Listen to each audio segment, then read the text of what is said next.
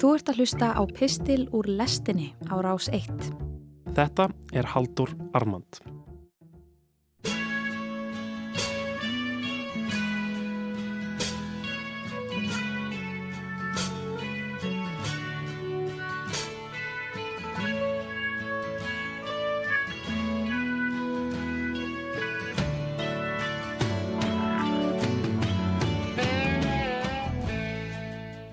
Sumarið áður en ég byrjaði í áttundabæk var ég á gangi á sólríkum sunnudegi í miðju íbúðarkverfi einhver staðar austur af snorabröðinni. Ég var einlega ennþá að jafna mig á þeirri niðurlægingu sem ég hafði orðið fyrir um vorið þegar ég hlaut svo nefnd prúðmennsku verðlun McDonalds á uppskjöruháttíð Íþrótafélags í hverfinu. Þetta þóttu mér hallarislegustu einstaklingsverðlun sem ég hafði nokkuð tíman heyrt um. Það var besti leikmaðurinn og efnilegasti leikmaðurinn og síðan prúðasti leikmaður McDonalds, hann litli ég. Ég man þetta eins og þetta hafi gerst í gær. Ég er að lappa í einstamnegötu og það er engin á ferli.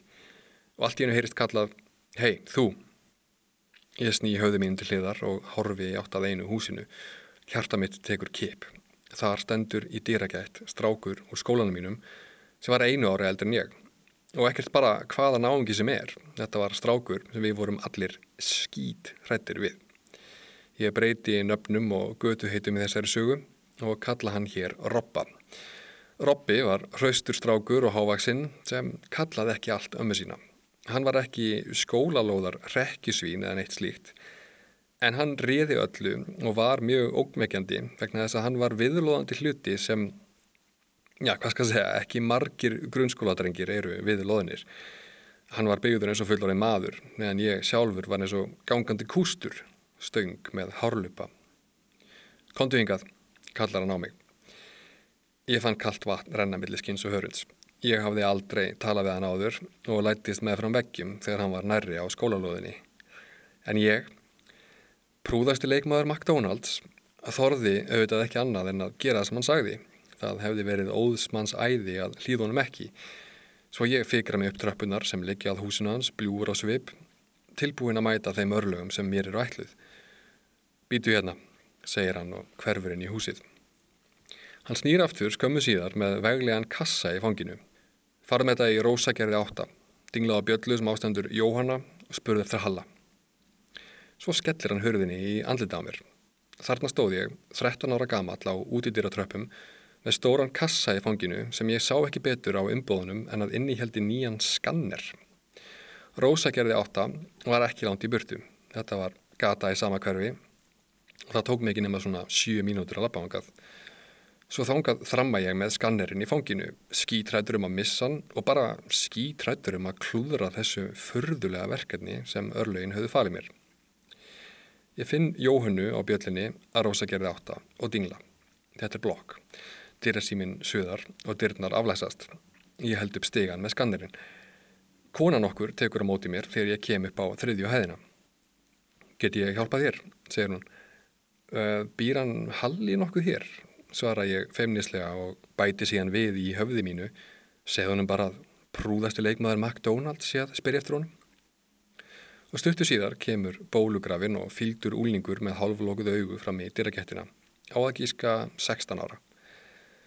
Hæ, ég með sendingu tíðin frá Robba, segi ég og reyni að hljóma pínlítið töffarlega. Já, flott, takk, muldrar Halli tekur við skannernum og hverfur aftur inn í íbúðina.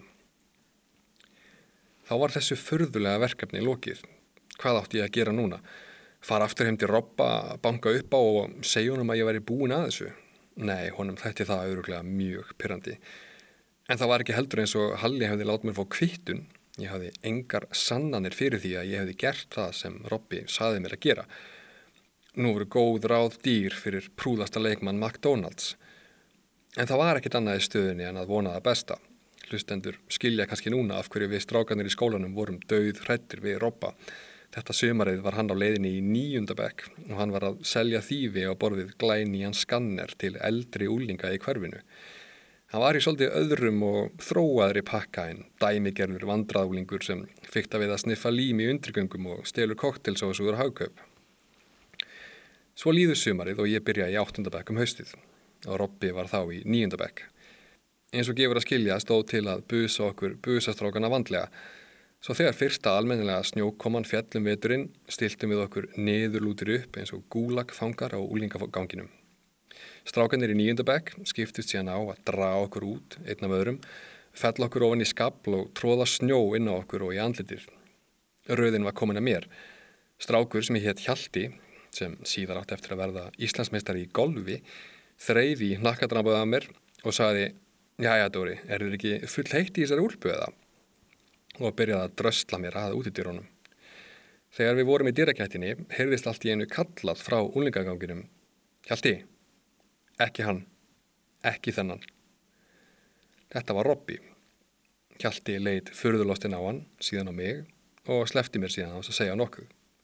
Síðan fyldist ég með öllum vinnum mínum þar sem þeir voru dregnir eins og hundar út í snjóin og komið síðan kafrjóðir, ískaldir og sárir inn aftur eftir misþyrmingarnar í skablinum. Sama gerðist nokkur vikum síðar þegar við busa strákarnir vorum bóðaðir upp í öskjulíð þar sem túsað var framann í okkur og við vorum látnir drekka ógeðistrykki.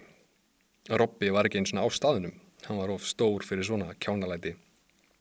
En aftur var ég látin í friði, eldri strákarnir tóku mig ekki og það var augljóst að Robby hafði sagt þeim að það ætti ekki að snerta mig. Þegar vinivinnir spurði mig síðan af hverju ég hafði einlega sloppið, yfti ég bara aukslum. Næstu misserinn gaf þetta mér eitthvert áður óþægt sjálfströst á skólalóðinni. Ég var að upplifa í fyrsta skipti hvernig það er að vera undir verndarvæng einhvers afls sem engin storkar, að fá sér meðferð sem aður á ekki skilir. Ég talaði aldrei aftur við Robba, ég yrti aldrei á hann og hann ekki á mig, en ég fann fyrir nærfuru hans á skólalóðinni og á gödunum í hverfinum Á þessum aldrei er hverfimanns allur heimurinn og mér fannst ég vera örugur því ég vissi að ef eitthvað fáralegt kemi upp á eða ef einhver myndi farað appast upp á mig þá myndi Robby sjá um prúða sendilinsinn. Ég hafði líka staði við mitt. Ég sagði engum frá þessu. Og það sem ég finnst merkilegt enn þann dag í dag við þessa lífstæðnislu er að ég man svo vel hvað mér líkaði þetta vel hvað þetta var einstök tilfinning. Ég man hvað ég var stoltur af sjálfum mér, hvað mér fannst ég töff. Að allt í hennu var prúðasti leikmaður McDonalds í liði með mesta harðjagslinum í hverfinu. Ég hafði tekið þátt í einhverju ólöglugu, gert eitthvað sem var bannað og uppskorið mjög ríkulega fyrir þar. Ég lærði ekki bara að glæpi borga sig, heldur líka að það jafnast ekki margt á við það að fá sér meðferð og virðingu sem þú átt ekki skilið að reglur sem gilda um aðra gildi ekki um þig. Alla tíð síðan hef ég haft ákveðin skilning á því að margir verði háðir upphafningunni sem fylgir því að vera hluti af liði sem tekur sér stöðu utan við lög og reglur. Vegna þess að lífið túsar framann í heiðvirt fólk. Kaffa er það í snjó og neyðir ofan í það ógeðistrykki. Það uppskýr í staðinn prúðmennsku velun McDonalds. Þetta er ástæða þess að það er svona mikil anstaða við söluna á Íslandsbanka. Það má vel vera að rauksemdinnar fyrir sölunni séu allar upp á tíu og það sé hægt að fá gott verð fyrir banka í dag. En anstaðan skýrist ekki af því að almenningur sé svo vittlaus að hann skilja ekki í ríkisfjármál, heldur af því að hann óttast, með réttu, að salan sé dæmigerður ógeðistreikur sem hann á að kingja upp í öskjulíð, einn af mörgum síðustu ár og áratíði.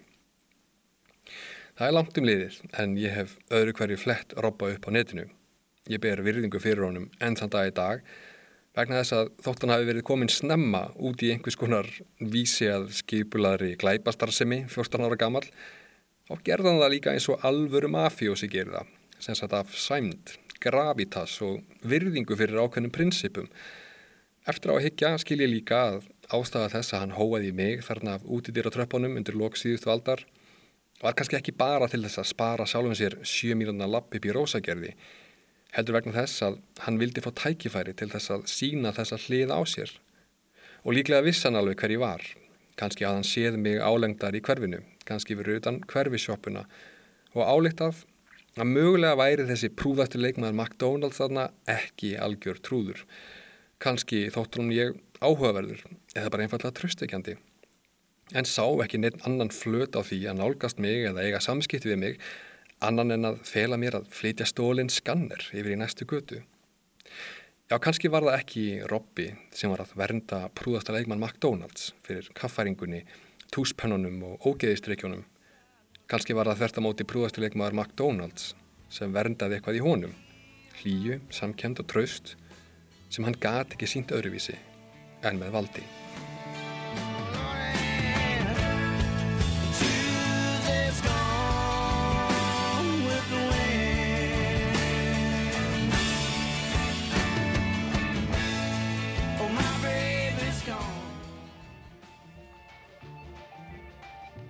Þú varst að hlusta á Haldur Armand. Ef þú fílaðir þennan pistil og vilt heyra meira, getur gerst áskrifandi að lestinni hér í hlaðvarpsappinu þínu. Rás 1 fyrir forveitna.